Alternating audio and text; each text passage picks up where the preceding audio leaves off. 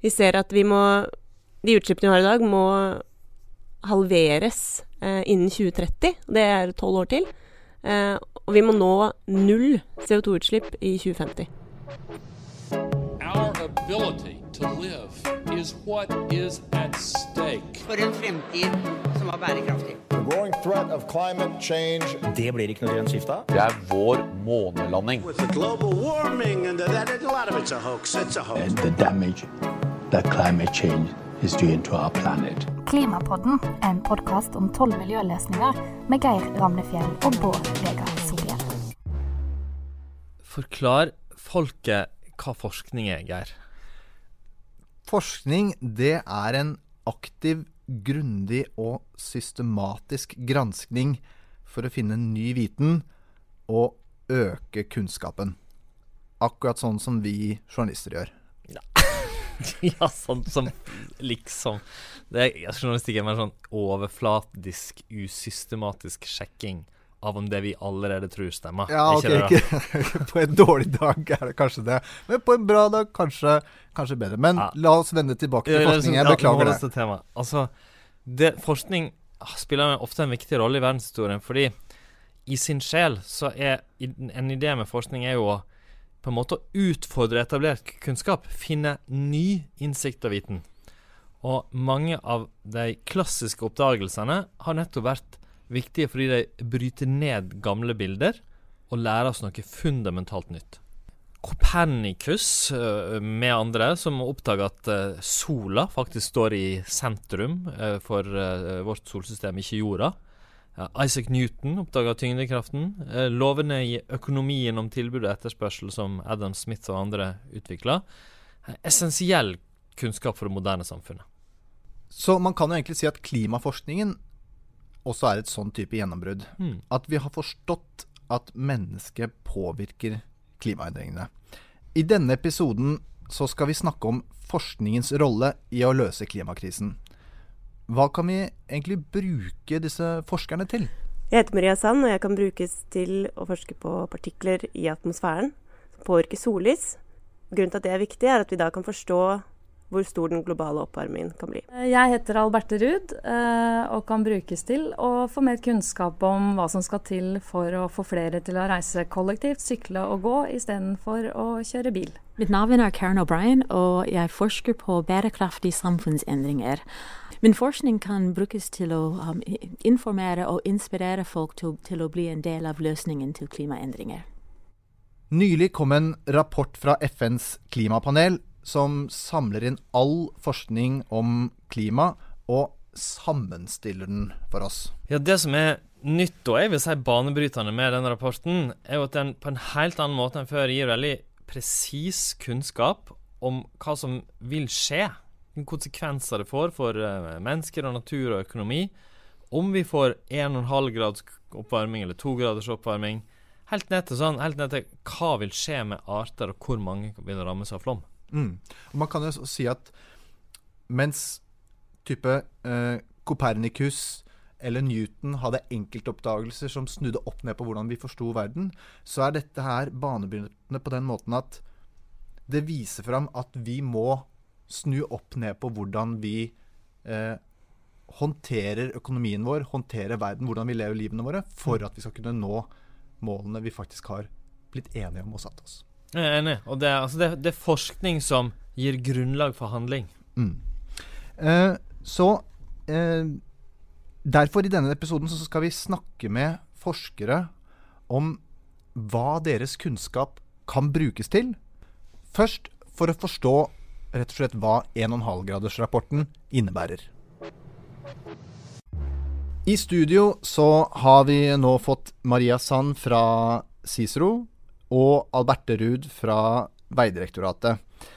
Vi begynner med deg, Maria Sand. FNs klimapanels eh, rapport beskriver jo bl.a. forskjellen mellom en verden som er 1,5 grad varmere, og en verden som er 2 grader varmere. Kan du forsøke å beskrive hvordan vil Norge og verden se ut ved 1,5 grads oppvarming? Ja. Vi har jo allerede hatt en hel grads oppvarming fram til nå. Eh, så, det vi, så det her er jo bare en halv grad ekstra. Eh, men det er ganske mye. Man, eh, hvis man ser For de som var unge på 60-70-tallet ja, 60 og fram til nå, har det også vært ca. en halv grad. Um, det vi ser, er at det har blitt mye mer ekstremvær. Vi har hatt en havnivåstigning.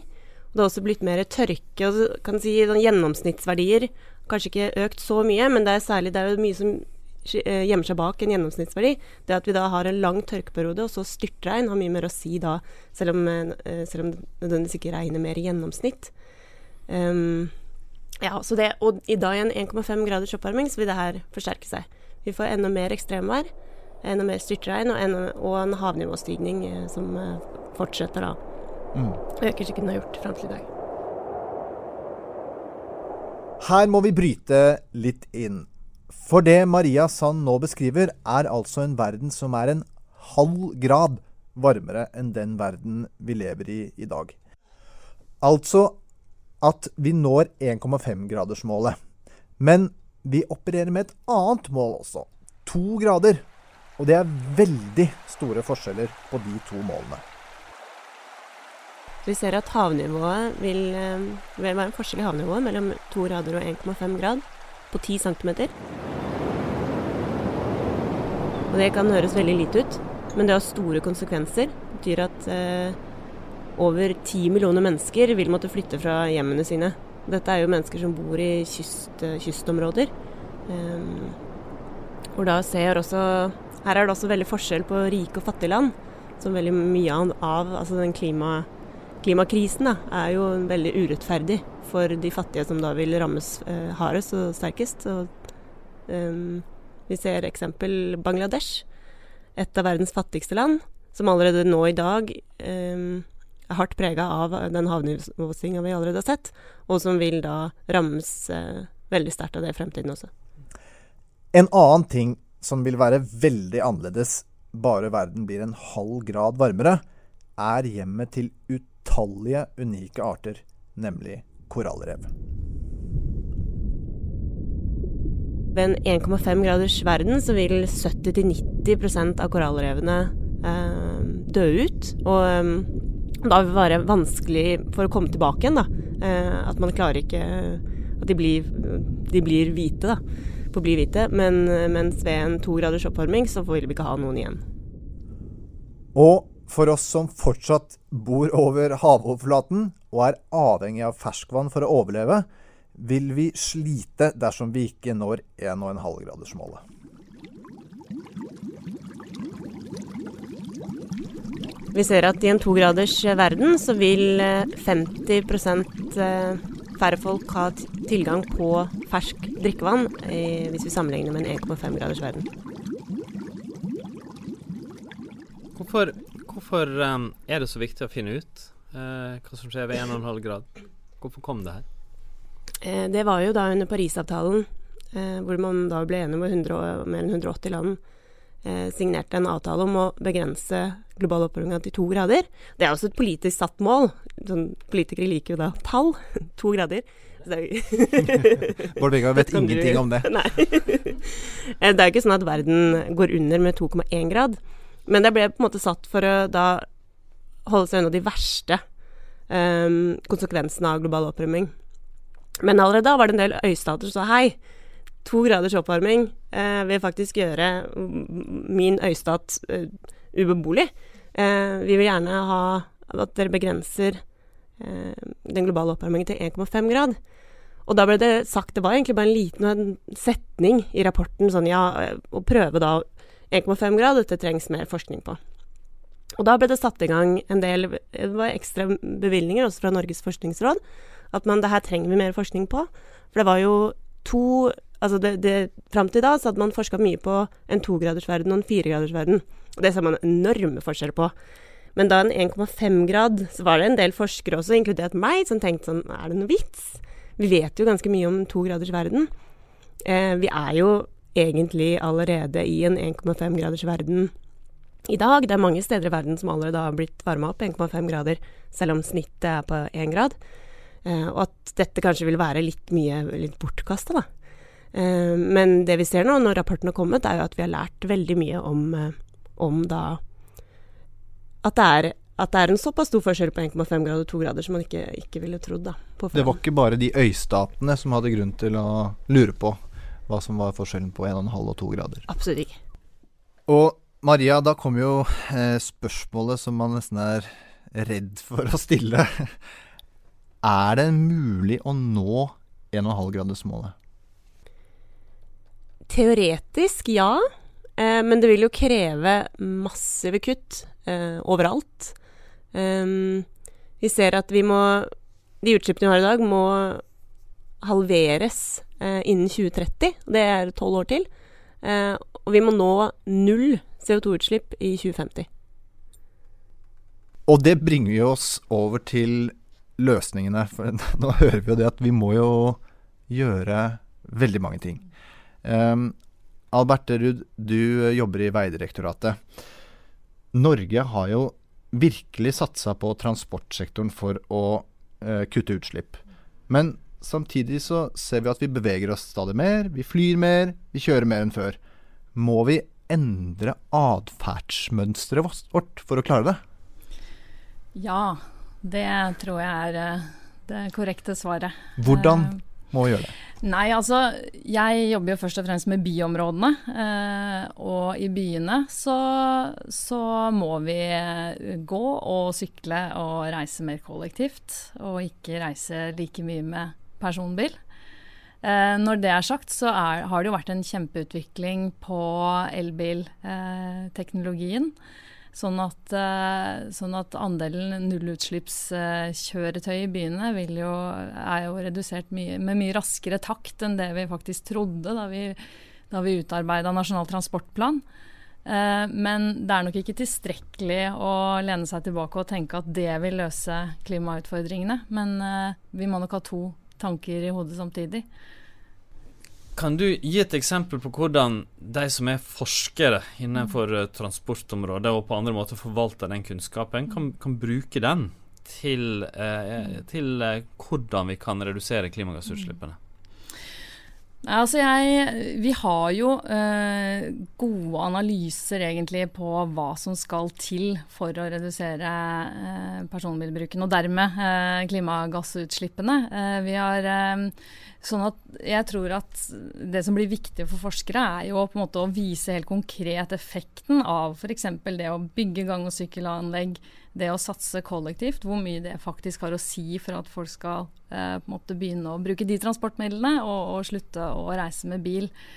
Um, men samtidig så viser jo ja, Kanskje litt på sida av dette her, da. Men samtidig så viser jo eh, forskninga eh, egentlig over hele, hele fjøla at eh, man er nødt til å eh, kombinere ulike virkemidler. Altså, og det er også viktig å få fram. Altså, det holder ikke bare å, eh, med positive tiltak. Vi må også redusere parkeringstilgjengeligheten.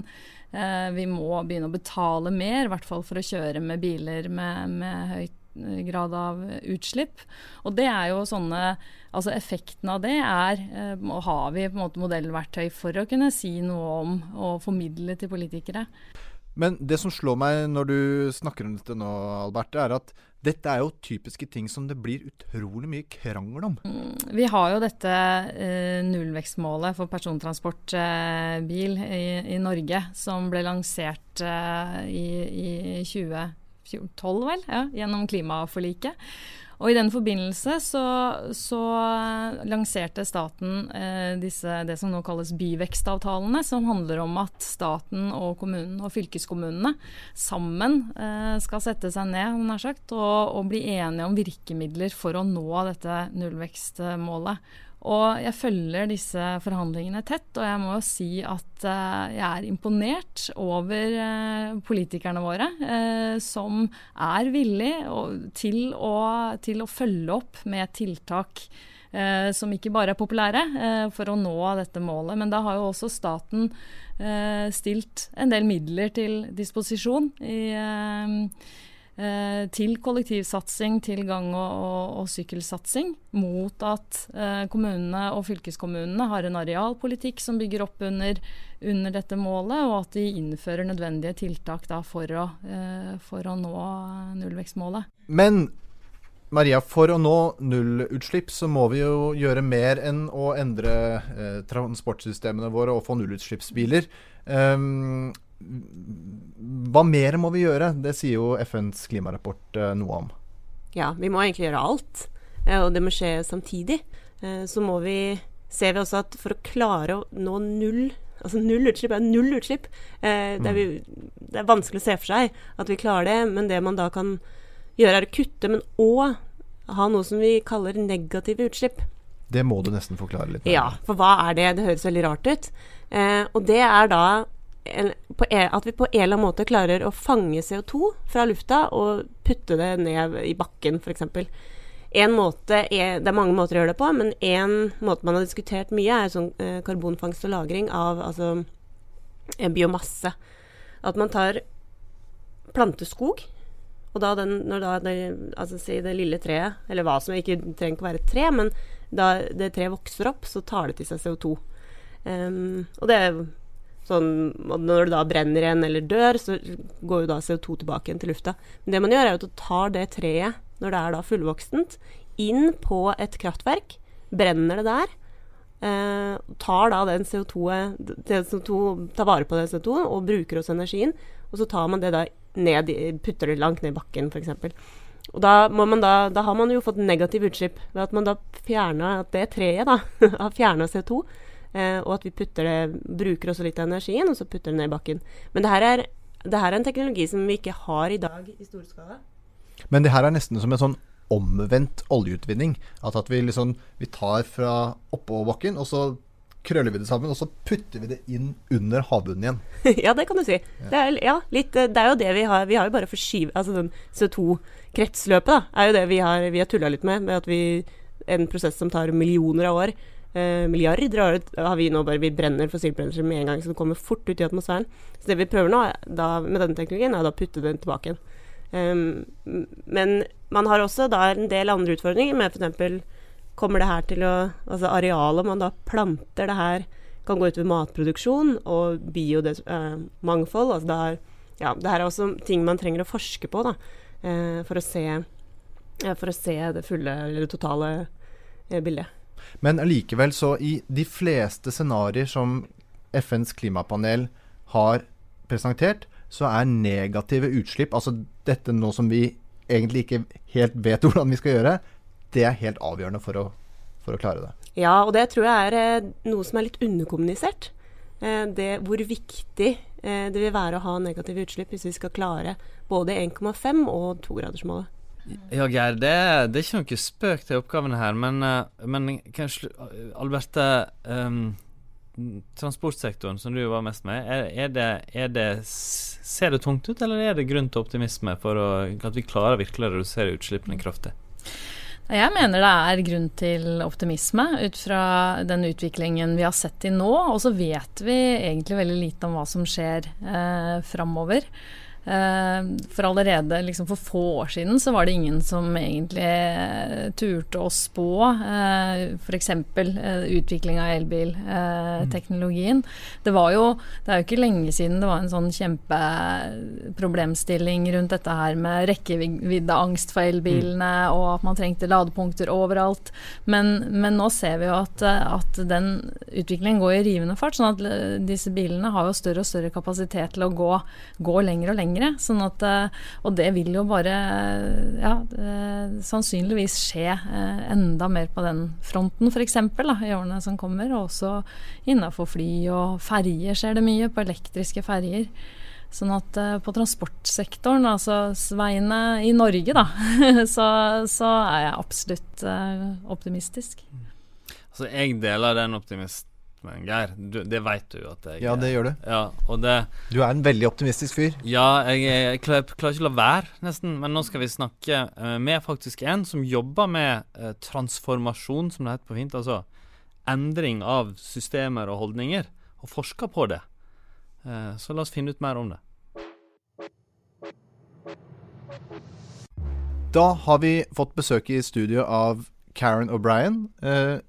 hun er professor ved Universitetet i Oslo og forsker på eh, samfunnsvitenskapelige, samfunnsmessige perspektiver på, på klimaendringer. Um, Karen, du er fra USA, men vi har fått lov til å stille spørsmålene på norsk. Eh, og så skal du få lov til å svare det på, på engelsk. Så blir det enklest for alle parter. Ja, det er helt greit for meg. Great! og kan jeg begynne å spørre Det er et veldig stort spørsmål, men sant? vi må kanskje halvere utslippene til 2030. På en måte så høres det lett ut, vi veit masse om hva som skal til. Men samtidig veldig vanskelig. Vi har hatt klimapolitikk i mange tiår, og nest, utslippene har fortsatt å gå opp og bare så vidt flata ut.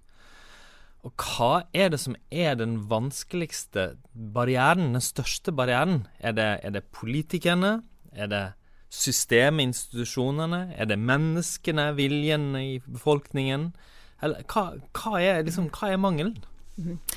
Um, I think it's uh, um, the the problem is much bigger than just one problem, like political or about individuals and things. It's really how we understand change itself, because what we're talking about is such an enormous um, transformation. The rate, the scale, the speed, and the magnitude are um, are profound, and we really, you know, to bend those curves in that, we really need to engage all of society and really focus on systems change, because it's not just a little change here or a little change there. And and and I think we're almost, almost speaking of it in a very um, in a way that's not very helpful because um, the gap is just so large, and we're, we're putting the um, the goal to be a future um, target for climate change for limiting global warming to 1.5 or 2 degrees Celsius. And we're not really bringing it down to the daily lives of people. I mean, this is a social problem, it's a development problem, it's a human problem. And we've made it into a technical problem that, that comes, be, becomes very abstract. And ironically, we're pretty good at technical problems. And I think that for me, the big problem is that each person doesn't see their role in systems change and in political change. They don't sense their own political agency, their own capacity to shift systems, whether it's in a household, whether it's in a school, whether it's in a, um, a city or um, nation or anything. We don't see ourselves as systems cha- changers, and we've limited the role of individuals to um, reducing their own carbon footprint. Så sånn, Vår tidligere statsminister Gro Harlem Brundtland ble jo kjent for å si at alt henger sammen med alt annet. Og På en måte er det kanskje problemet her. Og Da blir jo spørsmålet til deg hvordan skjer de endringene? Mm-hmm. I think the the um, the changes are often. I think it's a, it's a very complex thing on how people change, but it's often when we start to see things differently, when we start to really get it that um, that we are influencing the climate system and that we also can influence systems like economic systems. When we start to really um, adapt to the idea that we are changing the climate and that we are capable of these bigger changes, I think then you get a kind of shift, and every that shift won't be the same in everybody because you know it's really about starting to see your own place, and that's why the way we communicate climate change will matter. You know, how do we connect with people's values, connect with what's important to them? So, so in some ways, we're we're really kind of tapping at this as if it's just technical approaches and behavioral changes when we really should be, you know, helping people to see that they are the systems.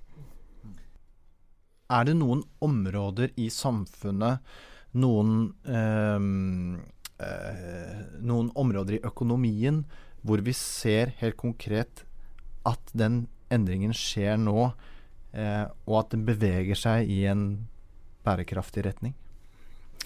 Well, I think it's it's um, you have examples of the sharing economy, the gift economy, degrowth movements, and things where they're kind of on the fringes, but they're but they're growing, and um, and when we look at um, social change, often in um, climate change, we're focusing on the biophysical tipping points where things can go very wrong. But we're also looking at social tipping points where small changes and small changes and small changes suddenly add up to large changes. And suddenly you see vegetarian food in the stores, and you and suddenly people are changing the way they look at plastic, for example. So, so we see examples of change happening all the time, and our concern is, you know, how can we accelerate it, and how can we really bring people in to make them realize that they are the solutions to climate change. Mm.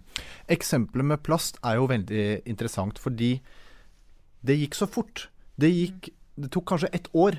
Eh, så gikk samfunnet fra å være sånn Ja, plast, det, vi bruker det til å knyte igjen søppelposen, så det trenger vi jo, og det pakker vi inn maten og sånn. Og, eh, og så var det da en hval som strandet hval som var full av plastposer. også jeg som politisk eh, journalist var på masse landsmøter eh, i fjor. Og da var det da på langs alle de politiske partiene så var man enige om det at plast, det skulle man fikse. Hvordan skal man få, få folk til å engasjere seg på denne måten? Hvem er det som skal fortelle det til dem? Skal de oppdage det selv, eller eh, hva, hva slags bevegelse er det du ser Yeah. for deg? Well, what I what I um, work on and um, and actually um, I'm very excited about and do research on is exactly how do we engage people with change. And this is you know coming out of um, teaching students about global environmental change and systems change, and they thought it was very abstract and like out there. And um, a number of years ago, I just started having them just do one small experiment with change, and then actually like reflecting on it and studying it and kind of putting the curriculum into practice in the in the real world. And so some of them would, you know, um, try a vegan diet, and some of them would um, not use plastic bags or um, take shorter showers or cold showers and things. And we start to see that we actually matter much more than we think. We influence each other through the stories, through our connections, through our you know enthusiasm and things. And and so that I see as a, as a way of like almost you know, opening up that sense of agency to say that, okay, I do that for 30 days. And then what you notice, or what, what I noticed and why I got very excited about it, is because sure, you can not eat meat or not eat, you know, um, sugar or do whatever for um, 30 days, but it starts to then become part of your routine. And you realize it's not that big of a deal because you've already gone through the, you know, the, the 30 days where where it's Mm. really inconvenient. So so really and that's why I think that you know focusing on the change part of climate change really is where we're at right now is to think about you know how do we actually activate that um, sense of um, collective change and to be able to see ourselves as you know not being the problem but being the solution. Tusen takk skal du ha, Karen O'Brien, for at du tok tiden din til å komme hit. Eh, det var veldig veldig interessant å høre på deg. Mhm. Tusen takk, det var veldig hyggelig å komme hit. takk. Bård Vegar, trenger vi mer forskning for å løse klimautfordringen, eller vet vi nok? Og at løsningene fins allerede. Altså det, jeg, jeg har lest veldig mange sånne offentlige utredninger og notater i forvaltningen og sånn, og det er stort sett alle har til felles, det er at de avslutter med at her trengs det mer forskning. Vi er, vi er nok ikke helt i mål ennå. Nei. Og for det er jo sånn f.eks. med FNs klimapanel, de har flere ulike scenarioer for hvordan de mener vi kan nå 1,5-gradersmålet. Men det finnes jo tusenvis av veier fram mot det målet. Eh, poenget er at de baserer seg på den kunnskapen som vi har i dag, men verden vil jo være forskjellig neste år og året etter det. Vi får ny kunnskap, eh, vi får ny eh, forskning, verden eh, forandrer seg. Ja, så, Og og så jo- lenge verden er i endring, vil det trenges mer forskning. For nullpunktet, ståstedet, flytter seg. Teknologien utvikler seg. Institusjonene endrer seg. Og dermed må forskningen òg lage nye veier til løsningene. Løsningene kan bli annerledes. Ja. Ja, så la, la meg likevel ta med et viktig poeng. Sant? Fordi at det, det at forskningen aldri vil stoppe opp, det at vi liksom alltid går videre, det gjør òg at vi, vi, må, vi må bli mye flinkere til å ikke bruke litt mangelfull kunnskap til en slags til å holde pause. Det har jeg opplevd for ofte. Nei, vi kan ikke gjøre noe. Vi må vente til vi har mer forskning. Eh, akkurat som om vi en dag kom i mål og da kan ta avgjørelsen. Nei, vi gjør ikke det. Vi må handle løpende. Forbedre handlingene gradvis ettersom kunnskapen blir mer presis. Kunnskapen blir aldri definitivt. Vi må handle på det vi veit nå. Riktig. Men Bård Vegard, eh, vi har en fast post i eh, slutten av denne podkasten. og det er at vi ber deg rangere fra 1 til 12, hvor 1 er minst viktig, 12 er mest viktig. Hvor viktig er forskning for å løse klima- og miljøutfordringene? Jeg, altså jeg prøver hele tida å komme litt lavere ned på den skalaen, så jeg får, sånn, får brukt hele. Jeg føler at jeg ligger mye oppe i toppen. Men eh, det blir ikke denne episoden her. For forskning er helt avgjørende. Vi hadde ikke, vi hadde ikke visst om problemet. Vi hadde ikke hatt noen kunnskap om hva vi skulle gjøre uten den. Så det er ja, det er en elver. Så, nest, så nær toppen som mulig. Ja, veldig nær toppen. Veldig nær toppen. Ja, det var veldig- nesten rett- forskningen. rett over toppen. Klimapodden er laget av Dagbladet med produsent Marie Røsland. Programleder er politisk redaktør Geir Emnefjell i Dagbladet, og ekspertkommentator er Bård Vegar Solhjell med faglig bidrag fra Ragnhild Vågård i WWF. Og du, Hvis du likte denne podkasten, abonner på den, del den veldig gjerne med vennene dine, og gi oss gode tilbakemeldinger.